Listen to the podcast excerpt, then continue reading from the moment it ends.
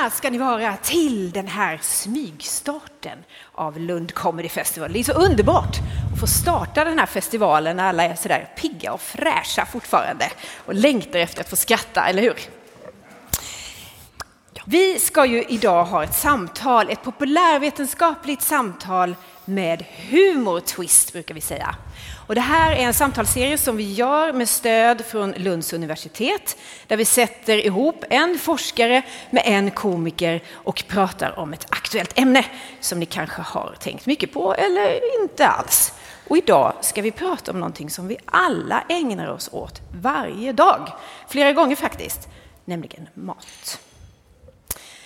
Och det här med mat, det finns ju så oerhört mycket vi kan säga om det. Eh, det fanns ju en tid när flingsalt och eh, soltorkade tomater var otroligt exotiskt, eller hur? Kommer ni ihåg? Det är inte riktigt så nu.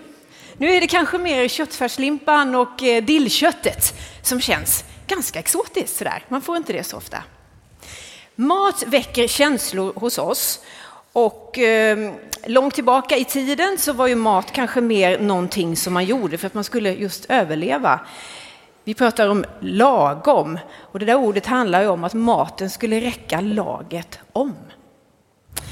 Vi hade ett noga uttänkt skafferi med matvaror och vi hade absolut inte råd att bjuda hur som helst. Att låta kompisen vara med på middagen, ja, ni vet, inte så lätt. Nu är det annorlunda. Eh, matpriserna skenar, men trots det så frossar vi. Vi äter massor med mat och vi slänger mat. Vi slänger så mycket som 88 kilo mat per person och år. Och vi älskar att äta avsmakningsmenyer och vi äter blåbär mitt i vintern. Hur har det blivit så där? Och hur har det blivit med att bjuda på middag? Det är ju inte helt lätt. Eh, så här liksom, vi har 5-2, vi har 6-1, vi har 16-8, vi har 24, vi har eh, LCHF, Ketos, Atkins, Paleo. Och där någonstans ger jag upp. Det är svårt det där. Allt det här ska vi snart prata om med våra eminenta gäster som står laddade och klara. Men jag vill börja med att få prata med min poddkompis och sidekick som heter Magnus Björn Bensen och som till vardags är cyklande polis i Lund. Magnus, kom fram till mig. Ge honom en varm applåd. Ska jag stå kvar här uppe eller? Det känns liksom som... Nej, jag tar ett steg ner. Det känns så... Du är så lång. Ja. Magnus, du har ju varit med eh, alla år som vi har gjort humorkunskapssamtalen tillsammans och jag brukar reflektera lite över dagens ämne tillsammans med dig, lite ur polisens synvinkel. Och det här med mat och poliser, det känns ju intressant. Mm. Eh, är det så där att ni käkar munkar och skräpmat? Ja, det gör vi. Eh, det är riktigt. Eh, munkar, ja du, vi är jätteglada i det där. Jag, jag har en liten story snabbt. Eh, vi körde på Klostergatan i Lund, ni vet alla vad det är.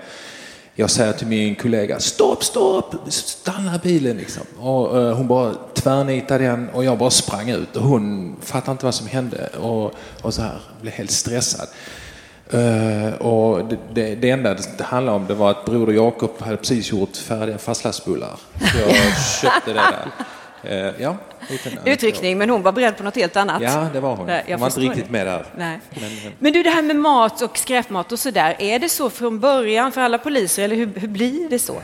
Ja, ja, men vi har ju de som kommer nya, aspiranterna kallar vi för keso och clementinpoliser. För de, eh, de, de har lärt sig att man måste ta hand om sig och sin kost och så vidare. Sen så tar det två månader så är de inne i snabbmatssvängen, precis som alla oss andra. Det är ju härligt. ja. Men du, eh, vi ska ju prata lite grann om våra känslor inför mat. Vi kommer komma in på skam till exempel. Mm. Hur, hur, är det som, som polis? Har ni något som är skamfullt? Ja, men det är det. Jag tror eh, när man köper pizza på onsdagar så eh, tittar ju alla de här eh, eh matlådemaffian där på en. Och då ska man alltid förklara och man måste alltid prata om det. Så. Det är rätt störigt. Det känns lite skamfullt. Mm. Det kanske vi kan prata om. Ja, jag tror vi ska borra lite grann i just det där. Och sen undrar man kanske också, var käkar alla poliser för någonstans? Ja, är det någon som vet? Har någon sett?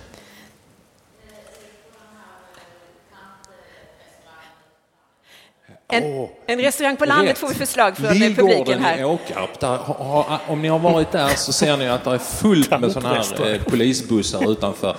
Det är tunga trafikgruppen, de äter där varje dag. Lillgården i Åkarp om ni vill spana på poliser. Och varför är det så bra att vara där då? Man får, eh, ja, det är ju mat för karrar ju. Det är ju sådana i Bamse-portioner. Liksom. Så, eh, vill man ha det, eh, så, eh, mycket mat, så ska man dit såklart. Mm, det är helt underbart. Ah, jag var faktiskt där med dig en gång. Det var, det var verkligen rejäla portioner man fick ja, ta i. Ja. Du, vad är du nyfiken på idag då, från våra gäster? Ja, det var väl lite med, med det här med skammen och mm. äta. Liksom. Om det är fler som har de här reflektionerna att Eh, är det någon som tittar lite extra på vad man har i matlådan och eh, det blir lite så, ja, man ska inte ha vad för något som helst. Nej, lite sura miner. Inte, inte gräddsås och sånt. Det hör inte till på de här fem två. Jo, vissa kanske. Ja. Men råda i det lite kanske. Ja, jag ska ta hand om den frågan. Tack så mycket så ja. länge Magnus. Nu kör vi igång. Tack.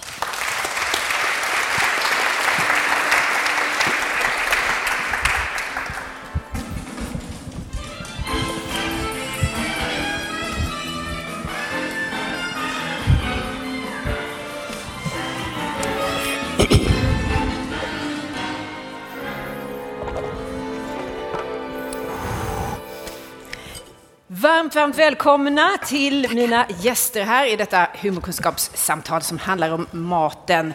Jag har här vid min högra sida matetnologen, forskaren och faktiskt kocken också, Håkan Jönsson. Ehm, och här vid min andra sida så har jag komikern och sjuksköterskan, ja. Hanna K Mölstad. Eh, kan du berätta lite, hur blev det den kombon? Ja, det var en, en, eh, en nödlösning för att överhuvudtaget stå ut och eftersom det är förbjudet att sno läkemedel så tänkte jag att för att må bra så jobbar jag istället med att skratta åt skiten. Så det var en överlevnadsstrategi? För det var det, det så var det. Ja. Ja, ja den det har ju faktiskt burit frukt. Ja, den är lönsammare än jobbet på Region Skåne. Det är så. Ja. Vi är jätteglada att ha dig här. Och Håkan såklart, jag tänkte börja med att fråga, när åt ni senast något minnesvärt? Något som kan berätta någonting om er som personer? Jag var på Island för några månader sedan. Jag åt blodkorv och lammskalle. Ehm, det är inte särskilt minnesvärt i sig. Men anledningen till att jag minns det, det var att jag äntligen fick prova att äta den här maten som hade legat i vassle i nio månader. Hur smakade det? Surt. Ja. ja. Riktigt surt. Men visst är det fascinerande. Kom man på det, Norskekungen inget salt, man kan inte göra salt på Island. Vad ska vi göra? Vi måste ha mat över vintern. Vi stoppar ner skiten i vassle och så ser vi vad som händer. Och det, det konserverade. Det var, jag mår bra. Det slank ner och du överlevde? Ja. ja, ja, det var inte så gott, men det var, det var ändå spännande. Det var minnesvärt. Mm, det var minnesvärt. Ja, Hanna då? Eh, jag fick, eh, sist när jag jobbade som syra eh, så var det lite stressig dag, men en bra dag. Så jag fick smaka tio stycken vegankolor till lunch. Mm. Ja, men de smakar inte plast, utan perfekt artificiell hallon och vegan. Och jag var jättelycklig, så jag ska inte klanka ner på Region Skåne. Nej, faktiskt. härligt. Ja. Bra. Och du är ju också vegan, så jag tänker det är extra bra då. Ja, jag är vegan när jag inte blir bjuden på god ost. Ja. det är lite sådär eh, efter tycke. Man får inte vara dum. Man får, Nej, inte, vara man får inte vara dum. Det är sant. Håkan, jag skulle vilja börja med dig, för du forskar ju kring matlagning och måltider i hemmen och hur de har förändrats. Och du har också sammanfattat matens världshistoria. Och den verkar vara full av absurditeter. Det där hade vi kunnat göra ett helt eget program om. Mm. Men eh, skulle, om du skulle nämna något konstigt, absurt kulinariskt grepp som du har stött på? Ja, det finns ganska många. Ehm, Islänningarnas surhaj är ganska bra. Hur kommer man på idén att om man gräver ner en haj i ett halvår och sen gräver upp den och låter den hänga i ett år, då blir den giftiga hajen ätlig? Hur många har strukit med längs vägen? Ja, precis, jag, jag, precis, jag skulle vilja vara med där och följa liksom, vem kom på detta första gången? Och liksom, äh, men, men, men, den riktigt bästa absurditeten som vi fortfarande trycker i oss, det är väl nästan cornflakes. Äh, det, det, var ju nämligen så att cornflakes de, tog, de togs fram för att bota onani. Uh, och, är det sant? Och, och, och, och hur man liksom Ja, det är ganska absurt i sig, men är det inte det mest Håll absurda? Precis, det mest absurda är att vi fortfarande äter det efter liksom dessa 150 år. Det ger ju bevisligen ingen effekt. Men vänta här nu lite. Vad jag vet har inte onanin Men skulle man äta den eller ha den på händerna? Ja, det kanske man skulle göra, men, men framförallt skulle man faktiskt få, få den uppkörd i ändan som lavemang. Jo, man löste upp cornflakesen där så körde man in det där så skulle det hjälpa. Men jag, är någon, jag kan testa ju på sjukvården. Ja, Jag återkommer. Om, tack. Jag ser fram emot Håkan, rapporten. nu kan vi aldrig äta cornflakes igen. Nu är det ju helt förstört.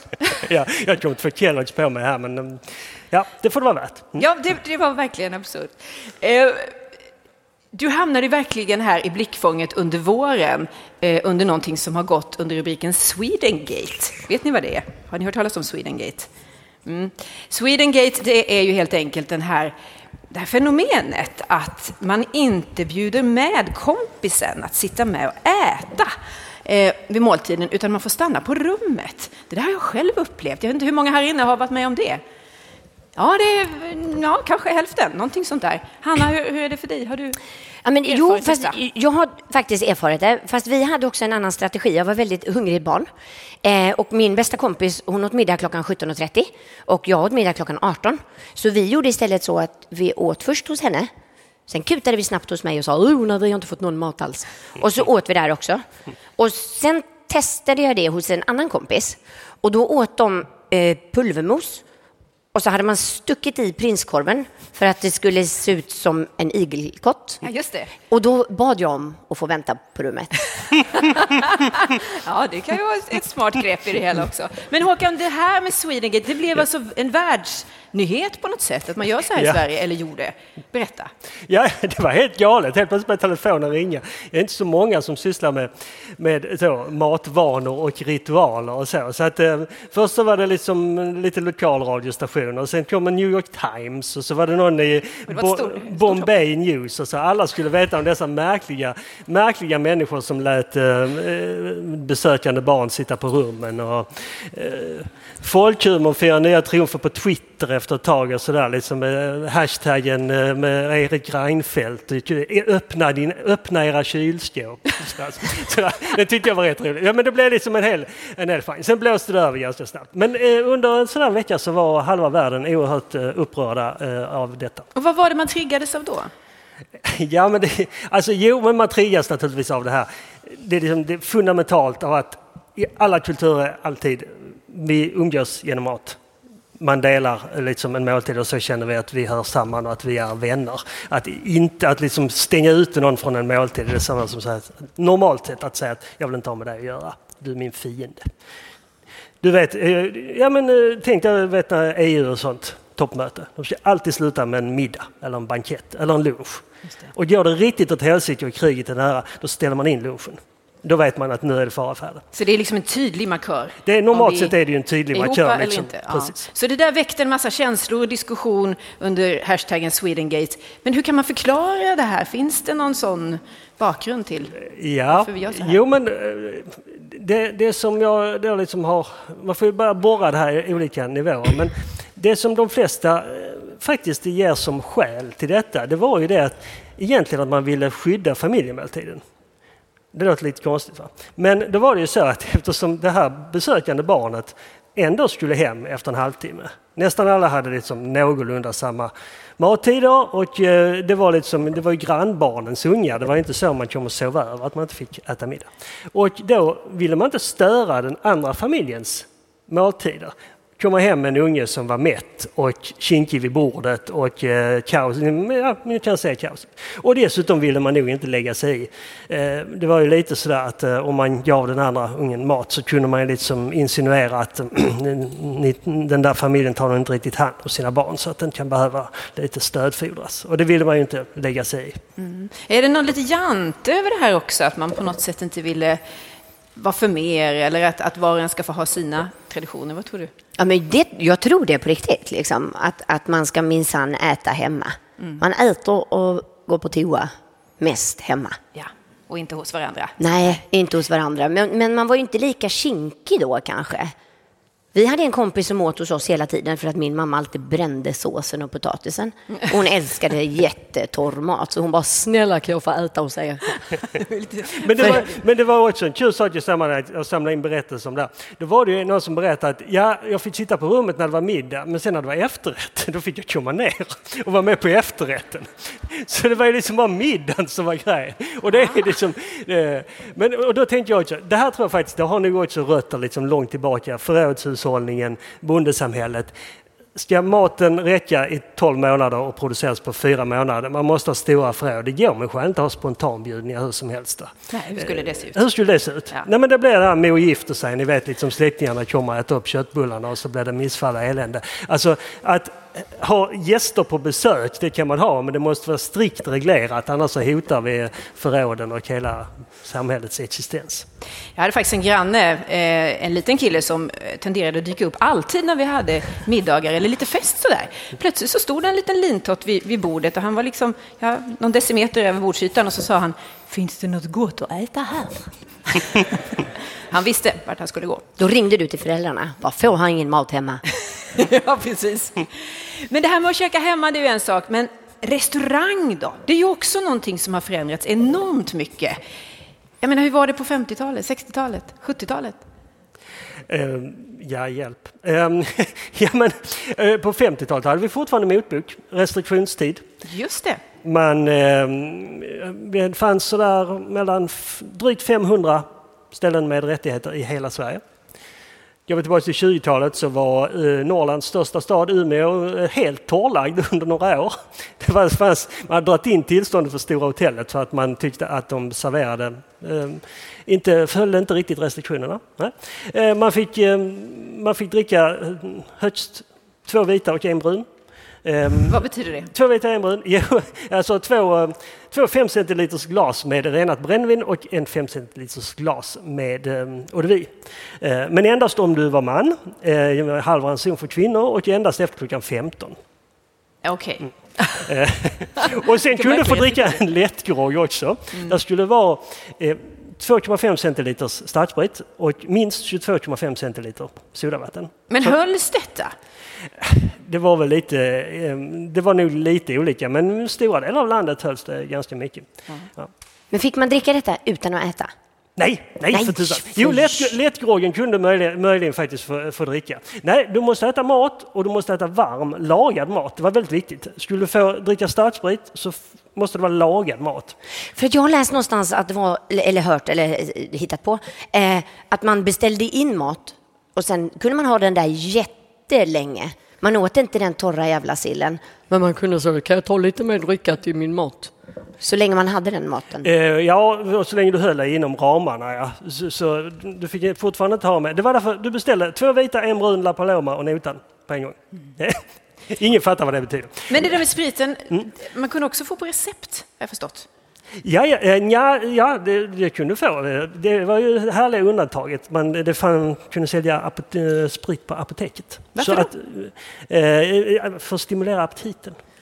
Eh, Så starköl var förbjudet mellan 1922 och 1955. Men man kunde få det utskrivet på recept.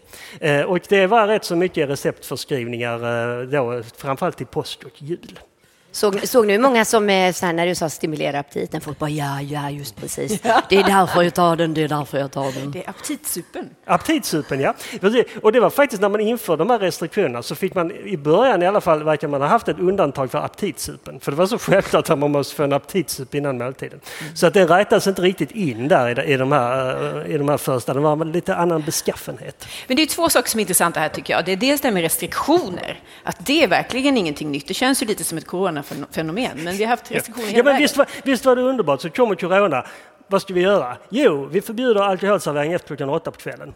Och, vi, och det ska vara sittande bordsservering. För det var, också, det var också en del, det var viktigt. Man fick, de som hade sådana här moderna barer som byggdes där liksom i slutet av 1800-talet, början av 1900-talet. Jättefina eh, mahogny, koppar, eh, rubbet. Då, eh, då fick man inte gå fram till baren. Så då finns det sådana här underbara bilder där man får möblera om hela lokalen så att det sitter med stolar med ryggen då mot bardisken. Det ser helt absurt ut. Men det var så att, ja men så när corona kom så, ja men vi visste hur man gjorde för hundra Det här år var sedan. liksom beprövat. Och Om någon ställde sig upp och sjöng eller skämtade, då fick hälften gå ut. Var det inte så också? Då, vi, fick ju inte, vi fick ju inte skäm- vi hade ju olika restriktioner här. Åt man var det en restriktion. Alltså det, du, du måste, är du restaurangpersonal då måste du fortfarande ingripa om spontandans uppstår. Ja, det är så. Ja. Man Just måste ha det. danstillstånd. Ja, det är Precis, om du det inte har danstillstånd. Ja, Mm. ja, det är rätt. Det fanns Men- en särskild dansskatt också för övrigt. Vad sa du, en ett- dansk skatt, Det- eller det- dans, dansskatt? dansskatt man fick betala. Det är därför det här dansbiljett, man skulle ta in skatt på dans och så. Nej, det. nej, men man fick inte ha, eh, så roligt skulle man inte ha. Och så fick man inte sjunga. Nej. Du fick ha en sån här restaurangtrio, du vet, med tre äldre herrar som spelade. Men, men det fick inte vara sång. Fick inte vara för roligt Framförallt här i inte, Swedengate-landet. precis, framförallt inte, inte kvinnlig sång, för då blev folk... Så det- varietéförbudet eh, hade vi också. Otroligt. Men hörru du, hur lyckades, hur lyckades Bellman för det första sjunga så mycket och för det andra bli så full? Nej men, men Bellman, det var ju, precis, det var Bellmans fel. Nej men det här var ju, Bellman levde ju lite tidigare va? Restriktionerna kom i samband med första världskriget och så efter folkomröstningen då för exakt hundra år sedan så blev det liksom ett, ett nationellt system. För innan dess var det lite mer fritt fram. Ja, ja, på 70, då Bellmans tid då fanns det en krog i varenda gränd. Ja, det var väl en anledning till att restriktionerna kom. Vi behövde strömma upp. Alltså liksom. från 1850 då började Systembolagen bildas och de drev restauranger. Det var inte alls bara att sälja brännvin på flaska. Och då la man ner väldigt många eh, krogar och restauranger och några få blev kvar. Superintressant. Men jag undrar också det här, när började vi gå på restaurang? Lite gemene man sådär. Jag minns när jag växte upp, vi var aldrig på restaurang. Ja, det var väl fyra små rätter någon gång kanske. Ja, vi beställde hem fyra små rätter och i, i Landskrona där jag då eh, växte upp, där fanns det väl bara tre, fyra pizzerior. Och alla pizzerior, jag trodde det kom från forna Jugoslavien. Eh, och eh, sen fanns det en bakad potatisrestaurang, tror jag. Det var Det är inte så mycket att hänga upp det på. Nej, det var, ju- man kunde inte festa mer än så. Nej. Nej. Men vad säger du Håkan, när började vi gå på restaurang? Mitt i veckan? Ja. Har, vi någonsin gjort det?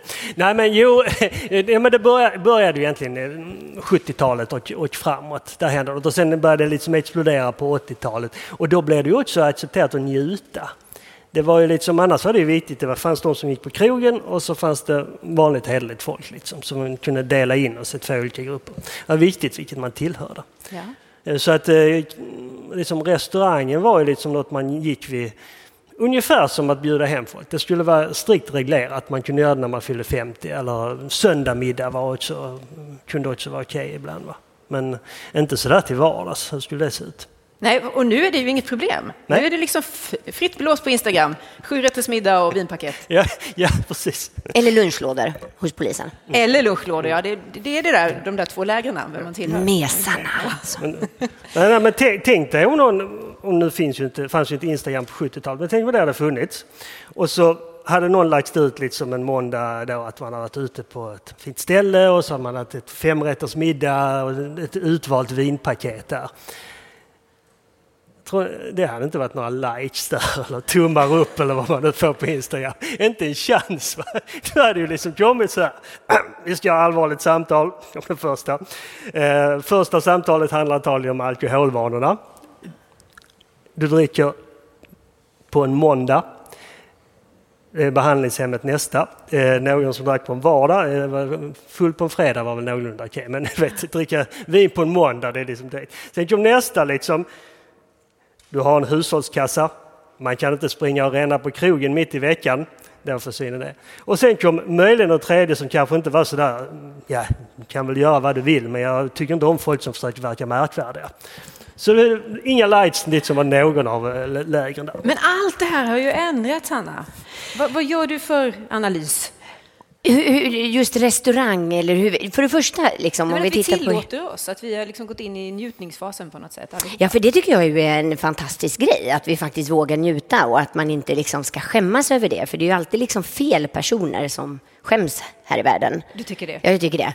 Eh, Men jag tror också liksom att, jag, jag tänker att, att maten på 70 80-talet var ju också ganska, den var inte så Instagramvänlig. Jag tror att det är det. Jag tycker att den var ful och grå. Kanske ligger Fast vi hade väl ändå, då hade, då hade Instagram varit svartvitt, så det hade ändå varit, ja men det, kan, det var nog rött egentligen. Nej, du har verkligen en poäng där. Ehm, dryckesvanorna måste vi också nämna, för det har ju också ändrats då. Du nämnde det här att inte kunna dricka mitt i veckan. Det gör vi mycket mer nu. Vindrickandet ser helt annorlunda ut om du jämför 50-talet med nu. Ja, ja, alltså på 50-talet var det ungefär en liter per person och år och nu är det 23. Liter sprit? Nej, vin. Vin. Okej, okay, jag, jag tänkte jag skulle öppna behandlingshem. Ja, men... ja, precis. Och då är det per person, så att det är liksom över hela linjen. Ja, ja. Men det är en enorm men, men, precis, och det konstiga är ju liksom att det är faktiskt i klass med vinproducerande länder, till och med mer än vissa. Så att det är liksom, ja. Det har ökat som elpriserna ungefär. Som elpriserna. Lika det är därför procent. det ökar, för att vi ser elpriserna och bara herregud. Men det finns ju en seriös sida i det där också. Det är ju ett folkhälsoproblem någonstans. Vad, vad är det som har gjort att den här utvecklingen har blivit så här? Ja, men det, det man har också växlat. Va? Alltså starkspritskonsumtionen har ju, har ju blivit väldigt mycket mindre. Hembränt då? Är det, liksom, är det fortfarande en grej? Ja, men det är inte så mycket här. Här finns ju liksom uh, smuggelsprit från uh, ah, just det, Österripa. Så Anna, det är mer då får man nog lite, i lite längre upp i skogarna så är det fortfarande. Men annars är det också ett kulturarv som har, är, på, är hotat. Så skäms inte, utan tänk att ni bevarar ett fint kulturarv. ja, just det. Skam skulle vi prata om. Det var ju det som Magnus ville vi skulle komma in på. Det här att vi skäms över en massa saker när det handlar om mat. Vad har du i din matlåda egentligen? Eller du sitter med pizza, eller ja, hur medveten man är. Va, vad ser ni för skamfyllda Ja, men som jag, jag tycker ju att fel personer skäms. Det är liksom inte överhuvudtaget i världen liksom, att det är några andra som ska skämmas. Jag, jag har några som jag tycker ska skämmas. För det första att man måste fota allt man äter och lägga upp det eh, när det inte ens ser kul ut. Och inte ens en människa är med på bild och inte ens en text. De, de ska skämmas. De skämmas. Men framför allt så tycker jag att man ska skämmas om man säger så här, jag är gluten och laktosintolerant. Och då tror jag på det. Och när man säger intolerant, då tänker jag ändå så här, ja, här det är allvar.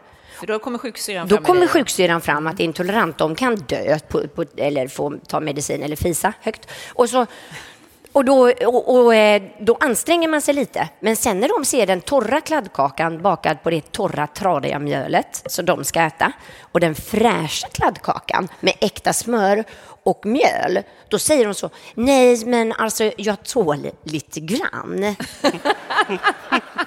jag är bara lite överkänslig. Skäms, säger jag. ja. Men det, det, det, är lite kul det där att det, det, är nog det enda området där det är lite fint att vara intolerant. Ja, jag är intolerant. Alla andra områden är jag intolerant, men där är jag så här, nej, ät eller var tyst. Ja, men precis. Men skam, varför blir det så mycket skam runt maten? Det är både vad vi äter och hur vi äter och ja, ja. och sånt. Ja, det är en bra fråga. Det är, lite tradigt egentligen att det är så mycket skam. Men, men det har nog varit mycket skam på olika sätt, men de skiljer ju sig åt. Jag menar från skammen att eh, liksom, gå på krogen, inte äta som folk, var ju liksom, då fick man ju skämmas. Eh, om man inte åt upp fick man också skämmas. Bordsskick. Eh, bordsskick, ja. Stoppa kniven i munnen. Lukta vitlök, kommer ni ihåg det? Ja. Det var skamfyllt. Oh. Och så kunde man liksom utsätta eh, kompisar annat liksom då för, för liksom det här gaget liksom att uh, stoppa vitlök i så att de säkert inte skulle få napp. Men det pratar vi ingenting om nu. Nej. Visst, har vi alla blivit helt eh, toleranta?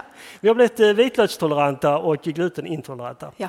Fast det är, det är, lite skamfyllt idag om man inte vet vissa namn, tycker jag. Jag är lite ointresserad liksom. Och om man inte vet så här fermentera och sånt. Då, som jag inte vet. Nej. Nej, då kan jag säga det bara. Oh, har du gjort en sous? Jag vet inte vad det är. Ja. Men hur känns det i dig då? Då, blir, då tar jag upp att jag är ändå coolare och så tänker jag skäms på er, tyst. Ja. Nej, men det är också jätteskönt att vara, då säger jag att jag är vegan. För då blir de tysta och så säger jag någonting om miljön så skäms de. ja, just alltså det. Det, det, det, det, är också en ny skam här. Liksom. Mm. Ja. Mm. Och den är bra att ta till. För det säger jag alltid. Jag är jätteflygrädd, men jag säger att det är av miljöskäl så är de tysta. Ja, just det. Nej, men det är ju det här som jag började med att säga, att vi slänger så oerhört mycket mat. Så där kanske vi behöver lite skam för att skärpa till oss. Ja, jag, jag tycker det. Ja. ja. Vi bestämmer det, ja. helt enkelt. Men det här, när blev maten en sån individualistisk grej då? Från att det var det här laget om man delar på samma gryta, nu delar vi verkligen inte längre. Nu kommer vi med alla våra preferenser, att det ska vara si eller det ska vara så. Håkan, hur, hur började det här? Ja, det började i antikens Grekland. Oj då. Eller troligen ännu tidigare. Nej men alltså faktiskt, det, den här liksom idén om att vi behöver en individuell diet, den fanns rätt så mycket i antikens läkarvetenskap. Jaha, på vilket sätt? Jo, men det fanns, så fanns, eh, det fanns varma och kalla livsmedel. Det fanns eh, torra och eh, blöta. Och så fanns det då de fyra elementen. Och eftersom människor var olika så att män var lite då, annorlunda än kvinnor, lite så torra och mjuka och blöta och, och varma och så vidare. Men det var också lite olika då, yngre var lite annorlunda än äldre och så där. Så att man måste ha liksom olika dieter då till var man, vem man var som person och var man befann sig i livscykeln och vilket kön man hade och också om man var rik eller fattig. Oj, det är mycket att hålla Så, så det var jättemycket att hålla reda på. Eh, och hur löste man då det? Jo, men det, då hade man det här också då med olika, eh, olika rätter som serverades samtidigt. Buffé? Precis, typ. Eller som eh, jag menar, Iran eller eh, Grekland, här messel, lite som du vet. Just Så då löste man det och sen så anpassade man sig då så här, efter sin, sin eh, dietprofil. Men har du några exempel där på vad man fick kombinera och inte för att man skulle balansera Ja, sina just det. Ja, det kroppsvätskor jo, men det, annat? det var inte så viktigt. Man måste äta saker i rätt ordning. Det lärde, det, det lärde man sig tidigt. Eh, och frukt, det var farligt. Färsk frukt var jättefarligt. Men eftersom det var status och det var dyrt och så, så måste man äta det om man liksom var, skulle vara Men tillhöra förlåt, varför var det farligt? Eh, Ja, det kunde rubba balansen i kroppsvätskorna. Så, ja. Eh, men- så då fick man neutralisera de här farliga substanserna och vissa skulle då ätas i början. Melon var jättefarligt, men om du åt i början av måltiden så gick det okej. Och särskilt om man då hade lite salt skinka eller liknande till det. Och vad äter man då idag? Eller det var jättehett i alla fall liksom för 10-15 år sedan. Vet, eh, melon i lite sån här prosciutto. Exakt. Exakt. nu har vi förklaringen på det, hur det började. Så det har ingenting med Antikens Grekland. smakkombination och sånt utan det är bara för att eh, melonen inte ska vara farlig. Ja, ja. ska vi komma ihåg nästa gång vi serverar Och det. päronen är en dessert. Den åt som frukt men den måste man äta i slutet och så neutraliserade man den med lite färskost eller grädde. Eller så lägger man på en liten sån choklad som smälter in med mint. Just det kunde man göra, fast helst kokade man i vin. Eh, Men, eh, det. men en after eight får väl, eh, innan, innan vi började dricka vin så var det väl bra nu. Ja, precis. Men det är ju superintressant att då, för länge sedan, så var vi superindividualistiska och vi skulle liksom anpassa efter vem vi var och hur vi mådde och sådär. Men i Sverige blev det ju liksom att alla skulle äta eh, 68 brödskivor om dagen. Kostcirkeln. Ja, hur Som- hamnade vi där liksom? Sjukvården har ju inte lämnat den mycket. Man lyfter på de eh, fattiga lilla små locken och så ser man så, där ligger en potatis och det där ska vara sås och där har vi någon slags köttbit. Och är man vegetarian, det är ju liksom inte, det är ju ändå 2022, då är det specialkosten. Just det. Ja, och då tar de bara bort köttbiten och lägger dit en liten brysselkål. Det är fortfarande ett, ett, ett undantag, ganska sorgligt. Men den här konforma idén om att göra lika. Ja men det kommer lite med moderniteten, 1700-tal och framåt. Sådär. Ehm, och idén att vi, vi är, alltså, om vi, om vi nu alla är lika så borde vi ju då liksom må bra av samma saker. Det finns ju ändå någon sorts demokratisk grundtanke i det. Och så ska man se till att, att då standardiserar vi kosten och så mår alla bra och så kan alla utvecklas. Men, men det är ju liksom, det är lite som ett eh, recept. Va? Alltså det är därför kockar aldrig har recept. Om slutresultatet ska bli detsamma så, så måste man liksom ändra tillagningssättet lite. Så kan man inte laga på samma sätt. Nej. Och eh, man gick väl lite i den fällan kan man väl säga med de här standardiserade, standardiserade dieterna. Det kommer ju också från den här militären, du vet. Det är nästan liksom foderstater för grisar som man sen satte på arbetarna som var fotsoldater. Så skulle man se till så de fick tillräckligt med näring och så, så kunde man då väga och räkna och mäta alla ingredienser och eh, nutritionella komponenter. Och sen så översätter man det sen till den goda hushållningen i hemmet. Och sen har det inte hänt så mycket. Nej. Nej. Men jag tänker att det har med anslagstavlan att göra. Ni vet den här Alltså det programmet, du, du, du, Ja men precis. Anslagstavlan och sen eh, Socialstyrelsen.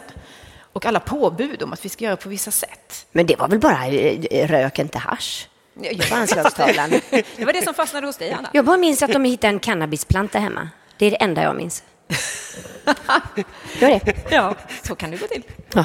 Men vad, vad, tänker du där? Är vi liksom extra mycket socialstyrelse tillvänjda i Sverige? Eller Ja, var? men alltså, det har ju varit så. Sverige har liksom självbilden världens modernaste land. Och på den tiden som det var vara modern, det var ju lite som framsteg, väga, räkna, mäta, standardisera, homogenisera.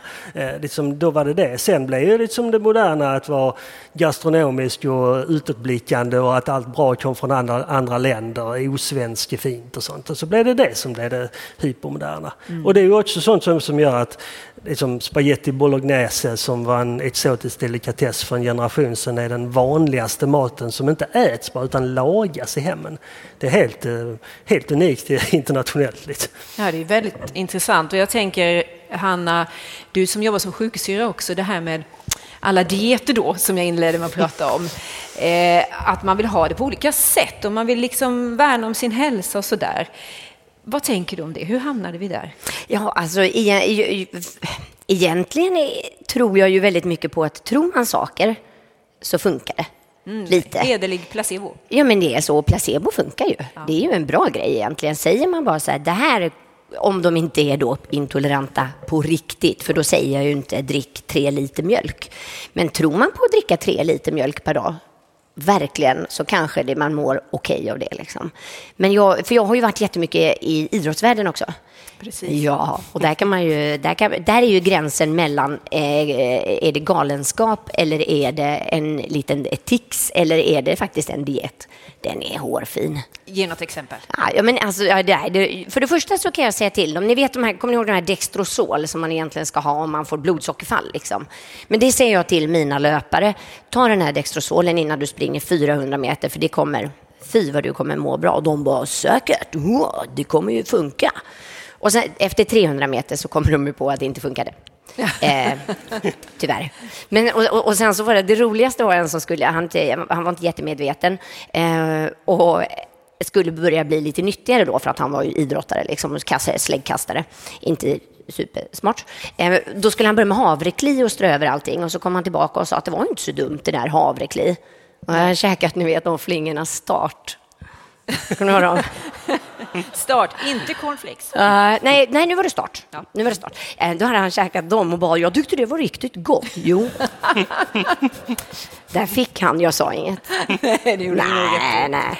Men dieterna, Håkan, Ja. vad är det som har fångat oss med, med allt det där? ja, det kan man få. Nej, men jag tror att två saker. Dels är det ju liksom det individualiserade samhället i största allmänhet och att det faktiskt har blivit fint att sticka ut, liksom. att eh, inte vara som alla andra.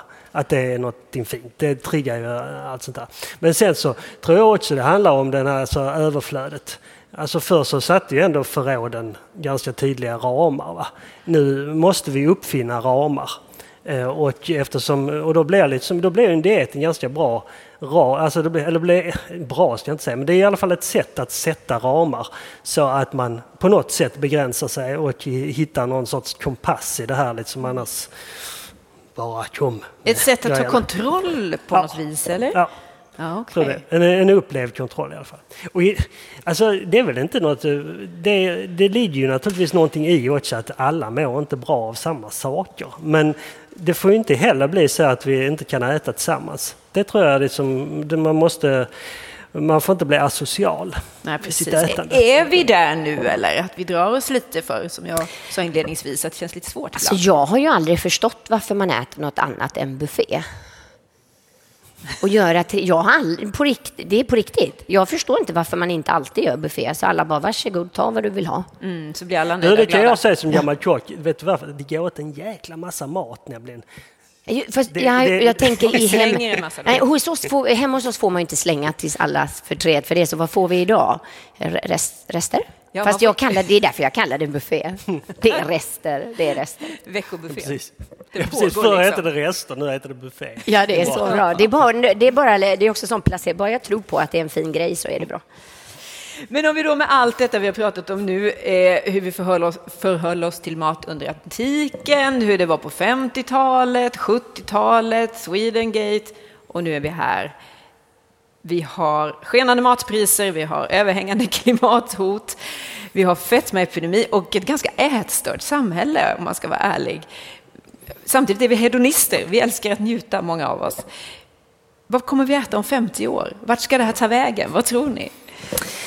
Ja, alltså, hemma hos oss kan jag vara lite så här... Äh, jag minns när barnen var så här små och man var lite så här, åh, ja, ja, han får äta från golvet. Det är okej, han får i varje fall i sig lite bröd. Tills att man har tre tonåringar som är så här, äh, har vi någon äh, tofu och sriracha? Så, jag har inte råd. Alltså jag har inte råd med sriracha. Eh, och då, jag skulle De ju- ändrar dialekt också märker jag. Ju... Ja, de är så här när de är överlägsna och så här när de är lite mer så. Jag får, får, får den här eh, speciella så Lunda... Det, Ja, den här är Lund. Mina barn har lite så Lunda. Det är bara när de är överlägsna. När, när, när, när satsmelodin är kvar men, eh, men ären har försvunnit. Ja, det är, det är srirachan. Det är, så man, det är därför man döpte den till sriracha, för man kan inte säga det på skånska. Därav populariteten. en bra poäng. Ja, men jag, jag, önskar ju, jag önskar ju, kan jag säga, att rätt personer kommer skämmas. Om jag ska vara eh, så, att rätt personer skäms så att alla får käk.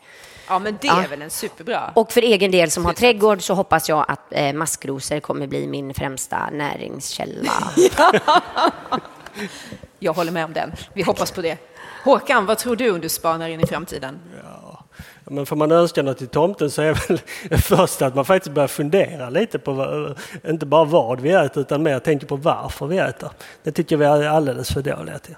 Vad tänker du då? Jo men alltså att vi, vi äter ju inte bara för, det är ju det hemska med 1900-talet där man fick för sig att vi åt bara för att få i oss eh, liksom näring och kalorier och näringsämnen. Eh, Vi äter ju liksom för att kommunicera, vi äter för att umgås och vi äter för att liksom hitta individens plats i gruppen. Alltså det är massa jätteviktiga saker vi gör för att äta. Ha rytm, liksom få rytmen i vardagen och sånt, det är därför vi äter. Men det är ju ingen som får lära sig det i skolan. Eh, Så det kan man ju hoppas att man reflekterar lite mer. Och sen tror jag också att, ja men det är visst, vissa kanske väl får lov att skämmas, men alltså är inte det viktigaste ändå att sluta uh, tycka så, det är så jobbigt med mat. Alltså mat är ju roligt också. Det tänker jag, liksom, varför får man aldrig eh, så fort det är något hemskt eh, så ringer de mig. Så, oh, hur ska vi göra med matet? Åh, världen går under. Liksom, det är maten som är problemet. Det har vi, hur ska vi äta annorlunda? Istället, ja men det är inte rätt kul att äta. Hitta humorn i maten. Ja, ja, det tycker jag vi har haft kul här. Nu har vi inte ätit, men vi har, pra- vi har bara pratat mat. Just det, vi skulle ätit samtidigt. Nej, men det är ju kul med mat. Kan vi inte, Inte kan vi inte till så bejaka det bekymmer, utan Nej. bejaka att mat är underbart och mat kan vi njuta av och mat kan vi använda för att både må bra, mötas, men också rädda vår planet om vi äter på rätt sätt. Yes. Härligt! Det får vi sätta punkt för vårt samtal idag, tänker jag. Tack! Tack så hemskt mycket.